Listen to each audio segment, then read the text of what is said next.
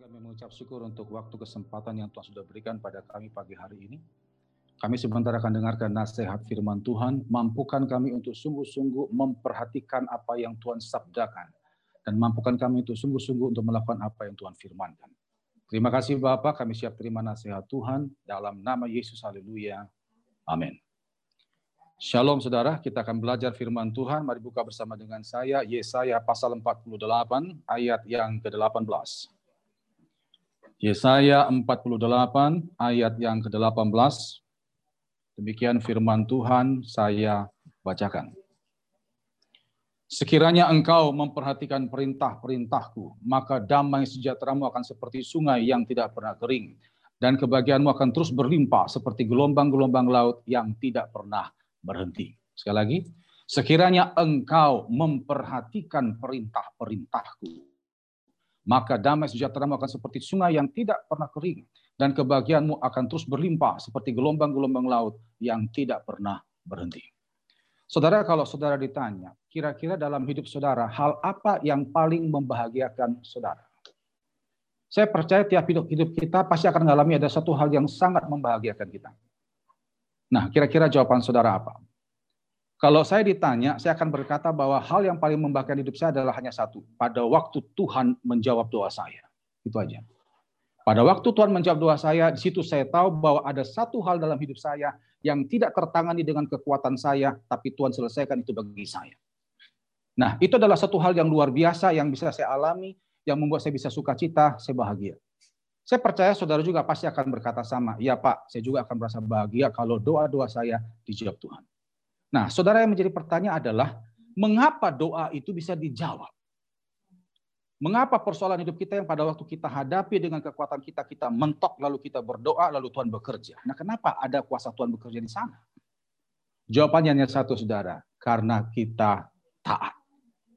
Ketaatan akan menghasilkan kuasa Tuhan. Pada waktu orang itu berdoa dan hari-harinya itu betul-betul adalah orang yang taat, hidup seturut dengan firman Tuhan. Tadi Tuhan katakan apa di sana? Maka damai sejahteramu akan seperti sungai yang tidak pernah kering. Ditambah lagi kalau saudara buka, coba kita sebentar lihat Yakobus pasal 5. Yakobus pasal 5 ayat yang ke-16b. Dikatakan di sana, Doa orang yang benar, bila dengan yakin didoakan, sangat besar kuasanya. Doa orang yang benar, dikatakan di sana bukan doa dengan cara yang benar, tapi doa orang yang benar. Ini bicara ketaatan. Dari ayat ini kita bisa simpulkan bahwa Tuhan tidak lihat ekspresi doa, Tuhan tidak lihat tempat doa, dan Tuhan tidak lihat waktu doa. Yang Tuhan lihat, Tuhan lihat adalah pribadi yang berdoa. Benar nggak hidupnya? Taat apa tidak hidupnya? Ada banyak orang sibuk urusan ekspresi. Oh Pak, kalau mau doa yang dijawab Tuhan tuh kalau bisa kita datang nangis-nangis. Ya, silakan. Apakah dengan kita nangis doa pasti dijawab? Tidak. Oh kalau mau doa itu Pak, lihat tempatnya. Kalau bisa di gereja atau bukit doa, silakan. Apa doa di gereja, bukit doa pasti dijawab? Tidak. Oh kalau mau doa Pak, lihat waktunya. Kalau bisa tengah malam. Silakan. Apakah dengan doa tengah malam pasti dijawab? Tidak. Tuhan tidak lihat ekspresi doa, Tuhan tidak lihat tempat doa, dan Tuhan tidak lihat waktu doa. Yang Tuhan adalah ketaatan si pendoa itu sendiri. Saya percaya saudara kita dalam hidup pasti banyak ada di persoalan. Tapi kuncinya supaya persoalan saudara bisa diselesaikan Tuhan dan Tuhan campur tangan membela engkau hanya satu, yaitu ketaatan. Nah, hari ini kita akan belajar tentang ketaatan, seperti apa itu taat, dan bagaimana untuk taat, dan buah taat itu apa. Nah, karena ini pengajaran saudara, kita akan masuk bagian demi bagian. Kita masuk bagian yang pertama. Apa itu taat? Apa itu taat? Menurut Kamus Besar Bahasa Indonesia, taat itu adalah tunduk atau patuh. Tunduk atau patuh. Itu menurut Kamus Besar Bahasa Indonesia. Tapi kalau menurut firman Tuhan, taat itu apa? Nah, banyak orang sering kali salah pengertian dipikir taat itu adalah orang yang rajin ke gereja, rajin pelayanan. Oh kalau doa itu dia husuk Pak, itu taat. Itu hanya kulitnya saja. Kalau kita mau lihat taat, coba kita lihat sebentar dalam Lukas pasal 5. Lukas pasal 5 ayat yang keempat sampai ayat yang kelima. Kita lihat contohnya langsung. Lukas pasal 5 ayat 4 sampai ayat yang kelima. Seperti apa itu taat? Demikian firman Tuhan. Setelah selesai berbicara, ia berkata kepada Simon, bertolaklah ke tempat yang dalam dan tebarkanlah jalamu untuk menangkap ikan. Simon menjawab, Guru, telah sepanjang malam kami bekerja keras dan kami tidak menangkap apa-apa. Tetapi karena engkau menyuruhnya, aku akan menebarkan jala juga. Sekali lagi saya bacakan. Setelah selesai berbicara, ia berkata kepada Simon, bertolaklah ke tempat yang dalam dan tebarkan jalamu untuk menangkap ikan. Simon menjawab, Guru, telah sepanjang malam kami bekerja keras dan kami tidak menangkap apa-apa. Perhatikan kalimat selanjutnya. Tetapi karena engkau menyuruhnya, nah itu, aku akan menebarkan jala juga. Kita tahu bersama kisah ini adalah pertama-tama Tuhan mencari muridnya. Lalu ketemu Simon, dia ngajar di atas perahunya Simon. Habis itu dia suruh perahu Simon tebarkan jala ke tempat yang lebih dalam. Lalu Simon berkata, Guru, kami sudah sepanjang malam mengitari dan nyusuri pantai ini dan tidak ada ikan. Saudara kita harus tahu bahwa Petrus bukan baru kali itu jadi nelayan. Dia ini dari keluarga nelayan, sudah lama jadi nelayan. Nah karena dia sudah lama terjun dalam hal masalah nelayan, otomatis naluri kenelayanannya itu tajam. Dia tahu musim ikan, dia tahu cara nangkap ikan, dan dia tahu tempat berkumpul ikan yang banyak itu di mana dia tahu. Semua ilmu tentang ikan, tentang ikan dia sudah kerahkan hari itu dan hasilnya itu nol. Dan hari itu Tuhan menyuruh dia untuk menebarkan jala ke tempat yang barusan saja dia dari sana. Coba, kalau saudara jadi Petrus, kira-kira perasaan saudara bagaimana? Saudara disuruh melakukan sesuatu yang saudara barusan dari situ kerjakan dan hasilnya sudah jelas nihil. Dan saudara disuruh ngulangi lagi. Perasaan saudara bagaimana? Kalau saya jadi Petrus, bagi saya ini adalah buang-buang waktu saja. Kenapa? Karena kita sudah dari situ. Kita sudah ngerti hasilnya nol. Dan disuruh ulangi lagi. Waduh, itu buang-buang waktu. Tapi apa kata Petrus? Perhatikan ayat yang kelima, kalimat terakhir itu. Tetapi karena engkau menyuruhnya, itu dia. Aku akan menebarkan jala juga. Di sini saya dapatkan rema. Arti taat adalah menundukkan logika, perasaan, rencana, dan harga diri di bawah perintah Tuhan. Itu taat menundukkan logika, perasaan, rencana, bahkan harga diri di bawah perintah Tuhan. Itu namanya taat. Jujur saudara, kalau bicara ketaatan yang menanggalkan logika, perasaan, harga diri, kita akan sering kali berhadapan dengan tiga hal yang membuat kita sulit untuk taat. Yang pertama adalah jika perintah atau firman Tuhan itu bertentangan dengan akal kita. Itu agak sulit buat kita taat. Ya, contoh misalnya kita disuruh ngampuni orang yang bolak-balik nyakiti kita, waduh, itu sulit saudara. Atau yang kedua yang membuat kita sulit taat adalah jika perintah itu mengandung risiko yang besar, risiko yang berat. Contoh kita disuruh untuk menginjili orang-orang yang benci Yesus, wah itu susah itu. Atau yang ketiga, jika perintah atau firman Tuhan itu berkaitan dengan desakan kebutuhan. Contoh kita punya uang katakanlah 500 ribu satu-satunya. Tiba-tiba Tuhan gerakkan kita untuk kasih orang yang butuh uang. Itu susah itu. Padahal kita butuh uang itu. Tapi saya mau beritahu, kalau engkau taat, maka kuasa Tuhan akan terjadi atas. Nah, untuk bisa taat itu kita harus tundukkan logika, perasaan, harga diri, rencana kita di bawah perintah Tuhan. Itu namanya taat. Saya pernah, saudara ini kejadian beberapa tahun lalu, kesaksian dikit. Saya di gereja waktu itu sama istri saya lagi jalan, tiba-tiba dihentikan. Ada seorang ibu, dia choir di sana. Dia bilang gini, Pak Nason ya? Saya bilang iya. Bapak masih ingat saya? Saya bilang siapa ya? Saya tatap wajahnya lama, saya ingat-ingat, gak ingat-ingat saudara. Saya itu loh Pak, Bapak pernah doakan saya pelepasan. Kapan saya tanya? Ada sekitar enam tahun lalu. Wah ya enam tahun lalu saya tidak ingat, saya bilang itu. Kasusnya apa? Saya tanya begitu. Itu loh Pak, yang waktu itu saya datang ke tempat Bapak sama suami saya, saya pegang perut saya, kesakitan. Lalu saya berusaha ingat-ingat saudara ya, saya ingat, oh iya baru saya ingat. Karena cuma dia yang datang dengan gaya begitu, sudah sambil pegang perut kesakitan begitu. Saya tanya, oh iya Pak, kenapa itu Bu? Gitu. Nah, ternyata dia cerita kalau dia kena kanker rahim, dan itu sudah agak serius saudara. Jadi waktu datang ke tempat kita, kita kan ada pelayanan pelepasan saudara. Jadi kita sebelum kita doa itu memang ada pengarahan firman Tuhan dan situ memang saya agak keras. Saya bilang kalau engkau tidak bereskan dosamu, jangan harap Tuhan akan jam engkau. Saya bilang begitu. Bagaimanapun juga Tuhan menginginkan kita supaya bereskan dosa. Wah, Sampai saya katakan tidak ada hamba Tuhan yang sakti. Hamba Tuhan hanya tempat kuasa Tuhan mengalir. Kalau engkau tidak bereskan dosa, jangan harap kuasa Tuhan menjamah engkau. Saya agak keras ngomong begitu. Nah, ternyata dia tersentak di situ. Nah, dia rupanya punya dosa. Dia pernah nyumpahi mamanya, karena mamanya juga pernah nyumpahi dia. Jadi dia kepahitan sekali dengan orang tua. Ya, jadi sebenarnya dia benci sekali sama orang tua. Tapi begitu dengar firman itu, mau tidak mau harus dibereskan. Rasanya nggak masuk akal. Kenapa? Dia bolak-balik ke rumah orang tua itu diusir soalnya. Tapi karena ini perintah Tuhan, dia belajar taat. Saya Pak, setelah si didoakan itu Pak, waktu didoakan saudara nggak ada manifest, yang nggak ada muntah, nggak ada apa segala macam nggak ada. Tapi malam itu dia bilang, dia berangkat ke rumah orang tuanya. Malam itu juga dia bereskan, dia sampai berlutut depan orang tua, dia minta-minta maaf, dia minta ampun. Dia cabut semua kata-kata sumpah ke mamanya itu. Dan puji Tuhan mamanya juga mau mengampuni. Habis sudah selesai, nah besok pagi dia sama suaminya mesbah keluarga seperti biasa. Nah waktu mesbah itu, habis mesbah tiba-tiba dia kebelet ke toilet saudara.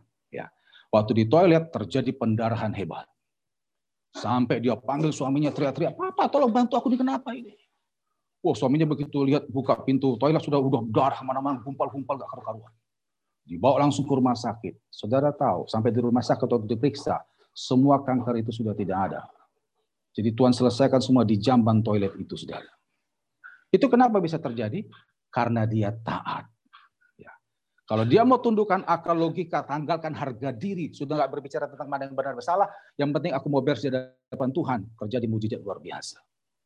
Jadi saudara, kalau dikatakan taat adalah kita mau tundukkan logika, perasaan, rencana, dan harga diri di bawah perintah Tuhan. Itu namanya taat. Yang setuju katakan amin. Nah, kita masuk ke bagian kedua. Bagaimana supaya bisa taat? Kalau kita sudah tahu tadi taat itu seperti itu definisinya. Nah, sekarang bagaimana untuk bisa taat? Saya temukan ada tiga kunci untuk bisa taat. Yang pertama adalah Lukas 9 ayat 23. Mari kita buka. Lukas 9 ayat 23. Ini adalah ayat dasar, fondasi utama seorang anak Tuhan, orang percaya. Lukas 9 ayat 23 dikatakan di sana, katanya kepada mereka semua, setiap orang yang mau mengikut aku, ia harus menyangkal dirinya memikul salibnya setiap hari dan mengikut aku. Ia harus menyangkal dirinya lalu memikul salibnya.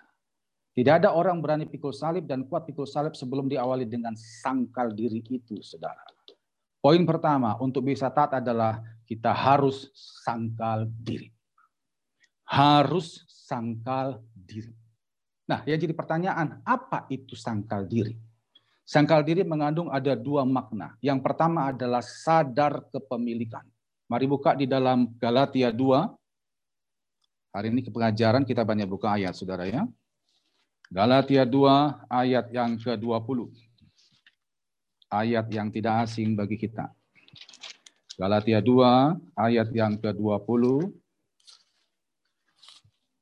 Dikatakan di sana, namun aku hidup, tetapi bukan lagi aku sendiri yang hidup, melainkan Kristus yang hidup di dalam aku. Dan hidup yang kuhidupi sekarang di dalam daging adalah hidup oleh iman dalam anak Allah yang telah mengasihi aku dan menyerahkan dirinya untuk aku. Aku tidak menolak kasih karunia Allah sebab sekiranya aku ada kebenaran oleh hukum Taurat maka ia sia-sialah kematian Kristus. Tapi kalau sudah fokus pada ayat 20 dikatakan hidupku bukanlah aku lagi tapi Kristus yang hidup di dalam. Ayat yang lain juga mendukung, saya bisa baca nanti dalam 1 Korintus 6 ayat 19 sampai 20 dikatakan bahwa kita sudah ditebus dengan darah Kristus. Kita sudah dibeli dengan lunas. Nah, sangkal diri yang pertama maknanya adalah sadar kepemilikan. Kalau kita nggak sadar kita milik Tuhan, maka sangat sulit kita untuk taat. Ya. Kalau kita sadar bahwa kita milik Tuhan, maka kita sangat mudah untuk taat. Nah masalahnya kita kita masih merasa bahwa kita milik kita dan suka-suka kita ngambil keputusan nggak perlu tanya Tuhan. Akhirnya apa? Seenaknya. Tapi kalau kita sadar kita milik Tuhan, kita sadar bahwa kita sudah ditebus dengan darah yang mahal oleh Kristus, saya percaya setiap melakukan keputusan, ngambil setiap keputusan, pasti tanya Tuhan. Itu pasti. Nah sekarang masalahnya Anda sadar nggak Anda itu milik Tuhan? Sadar nggak? Kalau saudara sadar, saya yakin ketaatan itu pasti akan jalan dengan otomatisnya. Tapi kalau nggak sadar kepemilikan, kau heran, itu pasti akan bangkang, saudara. Jadi ini untuk bisa taat yang pertama itu sangkal diri. Makna pertama adalah sadar kepemilikan. Yang kedua adalah sadar keterbatasan. Kita ini terbatas. Kita butuh Tuhan. Nah, kalau kita butuh Tuhan berarti kita ingin kuasa Tuhan bekerja. Nah, kalau kuasa Tuhan bekerja itu kalau kita sungguh-sungguh ikuti apa maunya Tuhan. Nah, kita harus sadar kita ini terbatas. Buka pengkhotbah 6 ayat 10. Pengkhotbah 6 ayat yang ke-10. Pengkhotbah 6 ayat 10 yang dikatakan dikatakan di sana, apa pun yang ada sudah lama disebut namanya dan sudah diketahui siapa manusia, yaitu bahwa ia tidak dapat mengadakan perkara dengan yang lebih kuat daripadanya. Manusia itu tidak akan bisa menghadapi sesuatu yang lebih kuat dari dia. Itu menandakan bahwa manusia itu terbatas. Nah, kita terbatas jujur aja saudara ya. Hidup kita ini makin lama bukan makin mudah ya makin banyak persoalan, makin kompleks. Yang belum nikah, ya, kalau berdoa topiknya apa? Doakan dia dan keluarga. Nanti kalau sudah punya pasangan, tambah lagi jam doa. Doakan dia, pasangannya, masing-masing keluarga. Nanti kalau sudah nikah punya anak, tambah lagi. Nanti punya anak, punya anak lagi, tambah lagi. Belum itu masih masalah topik doa loh, belum persoalan hari-hari kita yang lain. Jadi tiap hari itu persoalan bukan makin mudah, makin kompleks. Nah kita sadar tangan kita cuma dua, kaki kita cuma dua, tenaga terbatas. Tubuh ini makin lama makin lemah, bukan makin kuat. Nah kita harus tahu bahwa di situlah kita harus butuh Tuhan. Nah kalau kita sadar kita butuh Tuhan karena keterbatasan ini, makanya kita perlu taat. Dengan ketaatan, maka kuasa Tuhan akan bekerja menolong hidup kita. Itu makanya kalau untuk ikut Tuhan, kunci pertama adalah sangkal diri itu, saudara sadar kepemilikan, yang kedua adalah sadar keterbatasan. Kalau kita sadar ini, saya yakin otomatis pasti kita akan taat. Ya. Jadi untuk bisa taat, yang pertama adalah sangkal diri. Yang kedua, bagaimana untuk bisa taat? Sikap hormat dan mengasihi Tuhan harus lebih besar daripada yang lain. Ini yang kedua sikap hormat dan mengasihi Tuhan harus lebih besar daripada yang lain. Begini saudara, dalam hidup ini kita pasti akan menghadapi ada banyak pilihan-pilihan yang harus kita tentukan keputusannya. Ada banyak pilihan-pilihan yang harus kita pilih ke mana kita harus melangkah. Kalaulah pilihan-pilihan itu gampang, ya kita bisa gampang untuk memilih salah satu. Bahkan mungkin kita bisa pilih dua poin. Tapi kalau pilihan itu sulit dan harus pilih salah satu dari dua pilihan sulit, situ saudara pilih mana? Nah, kalau saudara disuruh memilih antara Tuhan dan yang lain, antara Tuhan yang ini, kalau saudara punya kasih dan hormat kepada Tuhan lebih tinggi, maka engkau akan tetap pilih Tuhan, saudara. Contoh, contoh. Mari buka Matius 10. Atau sebelum Matius 10, coba buka kisah Rasul dulu, saudara ya, kisah Rasul. Kisah para Rasul 5. Di sini para rasul berhadapan dengan ancaman mahkamah agama dan perintah Tuhan.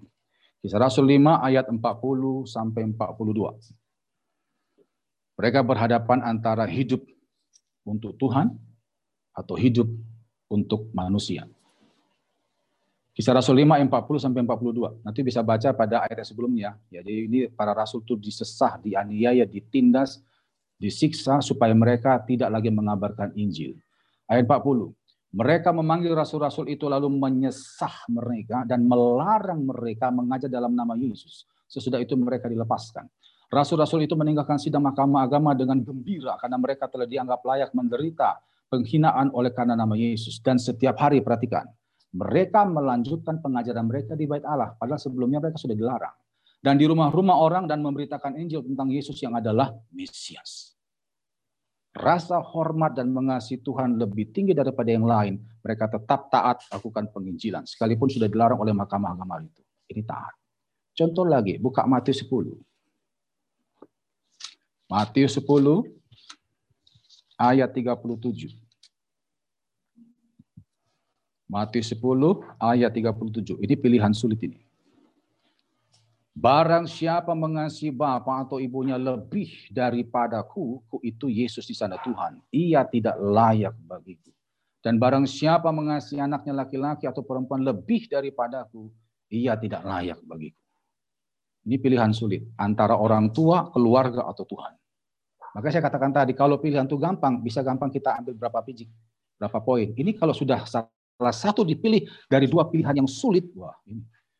kalau orang taat, dia akan mengasihi dan hormat kepada Tuhan lebih besar daripada yang lain. Ini yang saya temukan dalam konseling konseling pelayanan jemaat. Mereka bingung ngambil keputusan. Ya apa Pak? Sekarang disuruh orang tua ini masih tanam ini, tanam itu. Tapi kalau nanti saya tolak, ya apa Pak? Ya apa Pak? Ya, saya berangkat dari keluarga seperti itu Bapak, saudara-saudara ya. Saya cerita dikit. Saya dulu pernah berhadapan dengan Bapak saya di Jakarta. Bapak saya itu pegang-pegangan. Memang dia itu sering kena santet. Jadi akhirnya dia pelihara-pelihara seperti itu padahal anak Tuhan. Nah dampaknya adalah ke orang tua saya, mama saya. Jadi bapak saya bikin begitu, dampaknya kan kena mama saya yang bolak-balik dicekek sama gondorwo. Terus tambah lagi itu nenek saya pun kasihan tempat tidur itu gosor-gosor sendiri. Waduh. Mau tidak mau saya harus bicara ke bapak saya. Karena saya tidak setuju dengan ritual-ritual di luar apa di luar dari kepercayaan kita Kristen.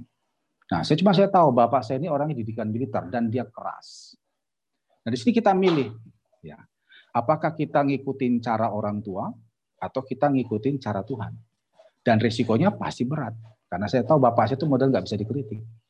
Saya waktu mau ngomong gitu aja, mama saya sudah larang. Jangan ngomong so. Nanti kalau kau ngomong, mama dipukul. Mama saya itu memang korban kadernya agak keras, saudara ya. Nah, tapi saya sudah doa dan saya mantap saya harus ngomong. Akhirnya saya ngomong ke bapak saya, tapi dengan nada rendah, saudara ya. Saya tidak pernah ngomong sama orang tua nada tinggi. Dan saya berusaha dengan cara yang sangat terhormat. Saya ngomong ke bapak saya, Pak, itu jimat di kamar itu tidak baik, Pak. Coba nanti kalau Bapak mau biar nanti saya yang bereskan. Saya ngomong secara sebaik-baiknya. Oh, Bapak saya langsung, oh jadi mentang-mentang kok karismatik, kok mengatur aku ya? Langsung dia total kepala saya. Tahu apa, Kak? Keluar gaya medannya, saudara. Langsung, wah. Oh. Terus dia masuk kamar, dia ambil satu kresek tanah kuburan, itu jimatnya. Satu kresek kuburan, nggak tahu kuburan apa itu, sama cincin batu segala macam, dibanting ke muka saya, makan sumpah ke muka. Wah, dilempar ke muka saya itu tanah kuburan sudah, sampai saya tahan begini. Terus akhirnya dia keluar semua kata-kata binatang itu semua saudara ya, lalu dia banting pintu, dia pergi keluar. Mama saya nangis, nenek saya cuma diam saja, saya pun waktu itu sempat nangis. Itu resiko saudara. Habis itu sudah saya minta tenang, saya tenangkan mama saya. Sorenya bapak saya pulang, lalu dia bilang gini, kau mulai hari ini bukan anakku lagi. Wah itu yang sakit sudah. Kalau saya dibanting jimat ke muka saya tanah itu enggak apa-apa, tapi kau keluar, kau bukan anakku lagi, oh itu sakit. Hari ini kau keluar dari rumah ini, keluar kau. Keluar kata-kata binatang semua segala macam semua di situ. Itu resiko, saudara. Akhirnya saya minta izin ke mama saya, minta uang untuk beli tiket di Gambir itu, saudara. Waktu itu saya masih masih kuliah, saudara ya. Akhirnya saya minta izin. Nah, itu semua uang dipegang oleh bapak saya. Cuma dapat minta uang belanja saja. Akhirnya saya berangkat, minta izin sama bapak saya juga pulang. Itu waktu mau berangkat itu saya masih peluk bapak saya, tapi bapak saya topis sampai buang ludah ke muka saya. Selesai itu saudara sampai di Surabaya, saya tidak dikirimi uang kuliah, uang kos selama setahun. Tapi Tuhan pelihara saya luar biasa. Saya akan cerita itu panjang sekali ceritanya pemberian Tuhan. Intinya, setelah saya lakukan itu ngambil keputusan untuk tetap pilih Tuhan dan berbicara dengan baik kepada bapak saya, Setahun kemudian Bapak saya datang ke Surabaya. Sakitnya makin parah karena dia kompromi dengan kuasa gelap begitu. Lalu dia datang kemari, itu posisi sudah agak setengah-setengah sesak napas saudara. Bukan corona saudara, karena ini sudah jauh hari soal itu ya. Lalu minta didoakan pelepasan oleh saya sendiri. Sampai dia bilang, Son, doakan Bapak. Bapak udah nggak kuat. Akhirnya saya sama tim doakan pelepasan dan terjadi kuasa Tuhan di sana. Saya bersyukur hari itu saya mengambil keputusan untuk pilih Tuhan sekalipun diusir dari rumah. Tapi justru itulah yang membuat keluarga saya diselamatkan Tuhan, saudara. Itulah ketaatan. Nah, makanya untuk bisa taat, kita harus punya sikap hormat dan mengasihi Tuhan lebih besar daripada yang lain. Kalau sikap hormat dan mengasihi Tuhan kepada, kasih kita kepada Tuhan lebih kecil, maka tidak heran kita akan sulit untuk taat. Kita sulit untuk terima resiko itu. Percayalah itu, saudara. Itu yang kedua. Jadi bagaimana untuk bisa taat? Kita harus punya sikap hormat dan mengasihi Tuhan jauh lebih besar daripada yang lain. Yang ketiga, bagaimana untuk bisa taat adalah komitmen. Harus punya komitmen. Apa itu komitmen? Menurut Kamus Besar Bahasa Indonesia, komitmen adalah suatu janji yang terikat untuk melakukan sesuatu. Suatu janji yang terikat untuk melakukan sesuatu. Itu namanya komitmen. Tentu saudara sering ngomong sama teman-teman satu tim, oh, kalau kita sama-sama kerja, tolong komit, komit, komit. Nah, itu maksudnya kita harus sungguh-sungguh tepati sesuai janji yang mengikat kita. Suatu janji yang terikat untuk melakukan sesuatu. Itu namanya komitmen menurut Kamus Besar Bahasa Indonesia. Tapi kalau Alkitab itu buat definisi komitmen itu jauh lebih bagus. Mari kita buka Mazmur pasal 15. Saya senang definisi ini. Mazmur pasal 15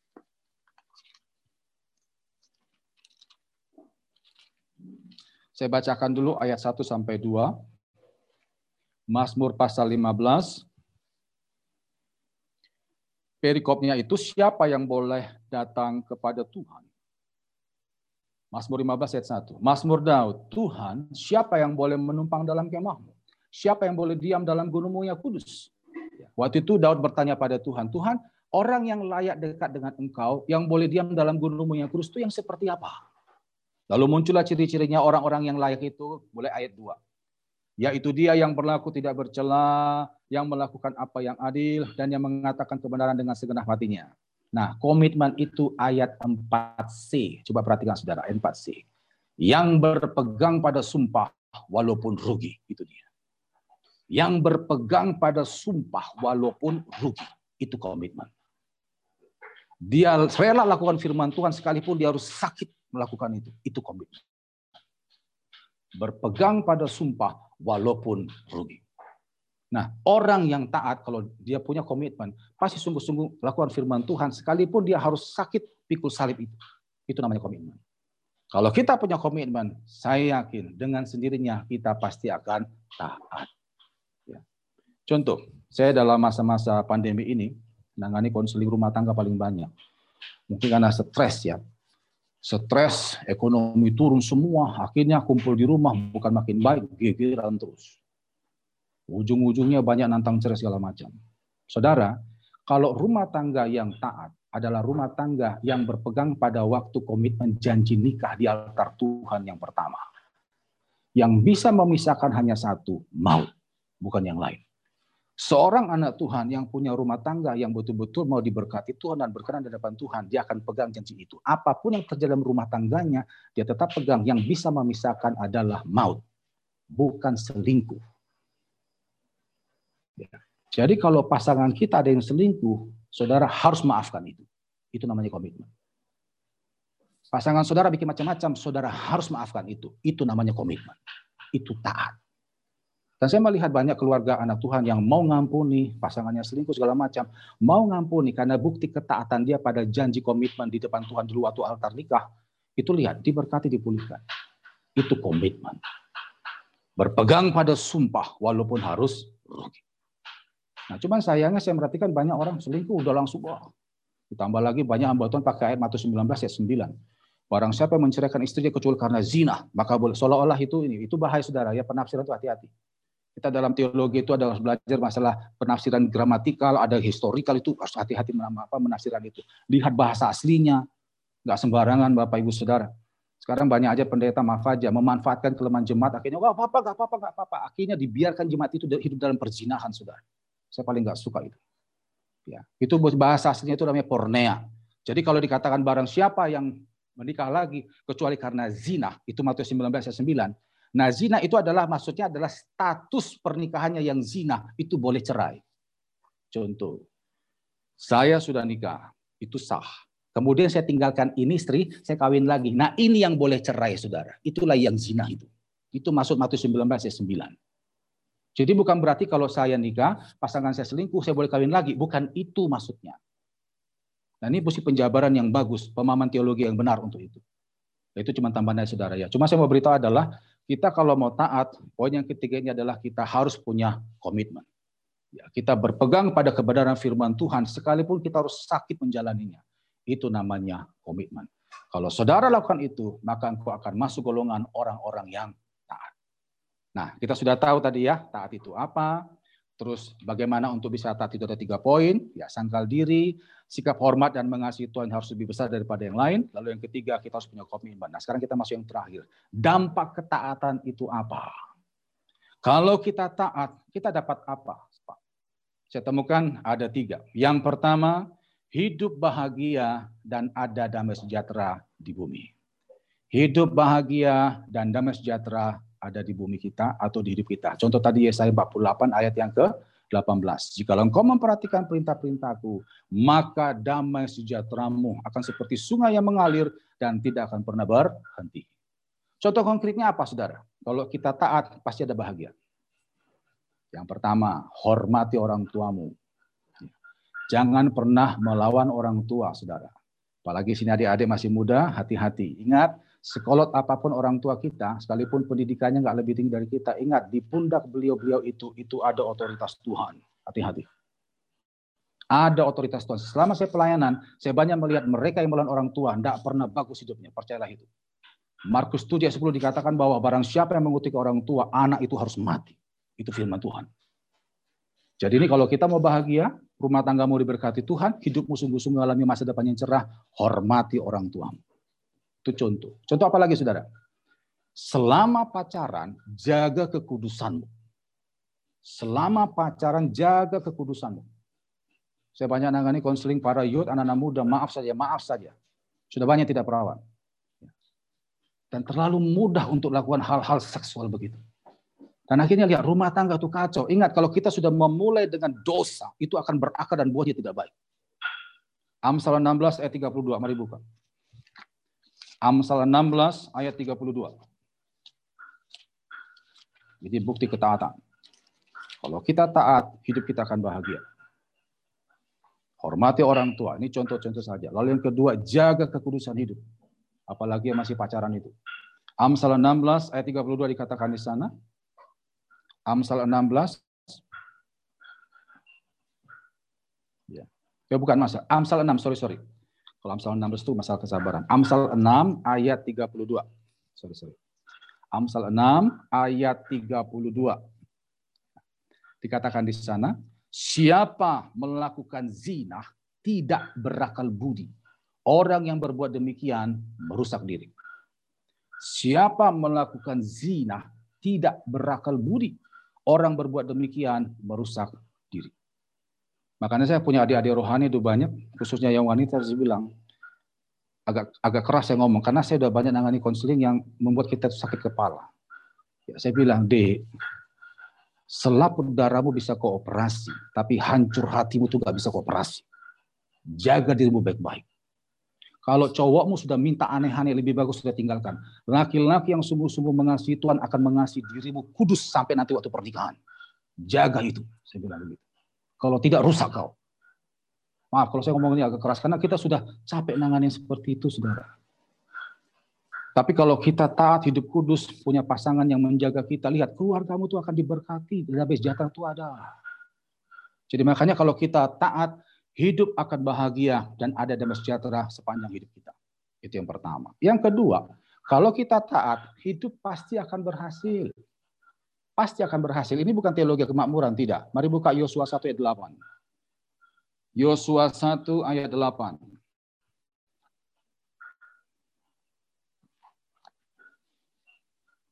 Yosua 1 ayat yang ke-8, ayat yang tidak asing bagi kita. Dikatakan di sana, Janganlah engkau lupa memperkatakan kitab Taurat ini, tetapi renungkanlah itu siang dan malam, supaya engkau bertindak hati-hati. Itu perlu digarisbawahi. Bertindak hati-hati sesuai dengan segala yang tertulis di dalamnya, sebab dengan demikian perjalananmu akan berhasil dan engkau akan beruntung. Kalau kita taat, perhatikan firman dan bertindak hati-hati, itu taat. Maka kita katakan hidupmu akan berhasil dan engkau akan beruntung. Tidak dikatakan kaya raya loh saudara ya, tidak. Tapi berhasil dan beruntung.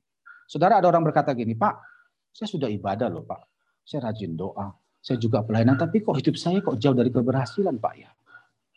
Saudara saya mau nanya, kira-kira menurut saudara, apakah orang yang taat firman hidupnya kacau? Apakah orang yang taat firman hidupnya gagal? Coba saya tanya. Apakah orang yang taat firman hidupnya mengalami kehancuran?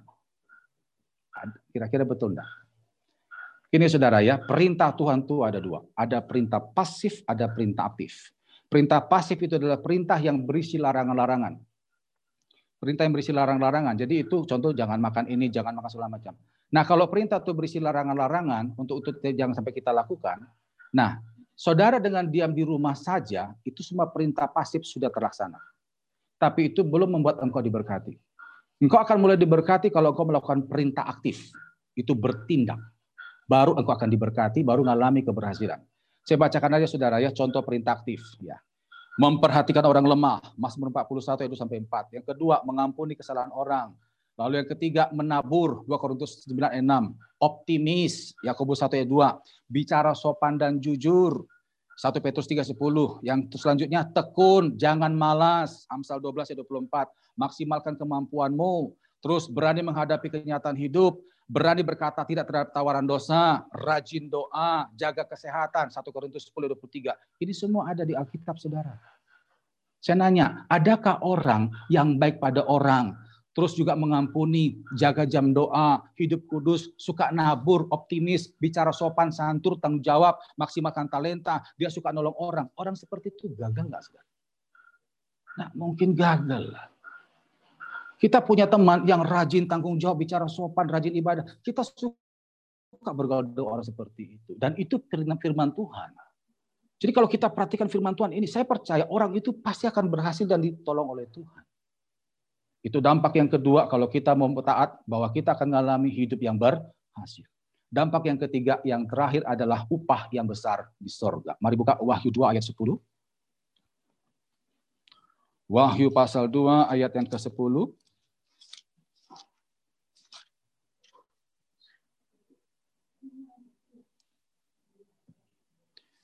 Dikatakan di sana, jangan takut terhadap apa yang harus engkau derita. Sesungguhnya iblis akan melemparkan beberapa orang dari antaramu ke dalam penjara supaya kamu dicobai dan kamu akan beroleh kesusahan selama 10 hari. Hendaklah engkau setia sampai mati. Itu taat. Dan aku, kata Tuhan di sana, akan mengaruniakan kepadamu mahkota kehidupan. Kalau kita taat, dampak yang ketiga adalah upah yang besar di sorga.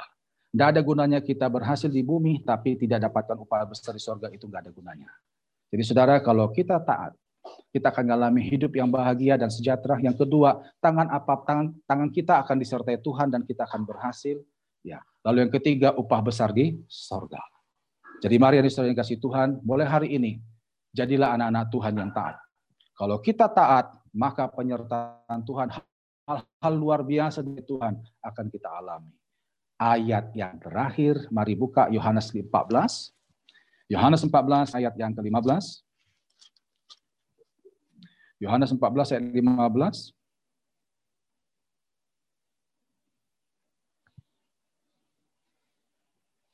Dikatakan di sana, Yohanes 14 ayat 15, Jikalau kamu mengasihi aku, kamu akan menuruti segala perintahku.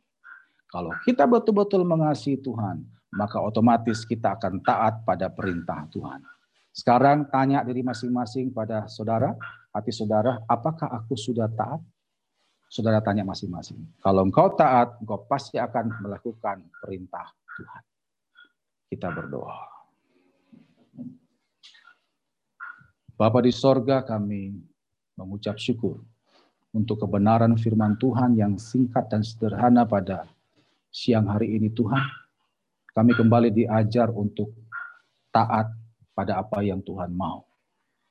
Ampuni kami Tuhan jika selama ini kami jauh dari itu. Kami cenderung melakukan apa yang kami pandang benar dan bukan apa yang Tuhan pandang benar. Ampuni kami Tuhan jika kami sama ini nggak pernah sadar bahwa kami dalam milik Tuhan. Kami nggak pernah sadar bahwa kami ini terbatas. Seringkali kami dapat firman Tuhan, kami bantah dan berkata, ah itu hanya kebetulan. Tuhan ampuni kami. Mulai hari ini Tuhan ajar kami untuk sadar bahwa kami dalam milik Engkau. Ajar kami Tuhan untuk sungguh-sungguh punya komitmen. Supaya kami pada waktu ikut Engkau Tuhan sekalipun mengalami sakit, kami tahu ini adalah kehendakmu dan kami harus lewati itu semua. Ajar kami untuk mengasihi Tuhan, hormat pada Tuhan lebih daripada yang lain. Karena itulah yang indah di hadapan Engkau Tuhan.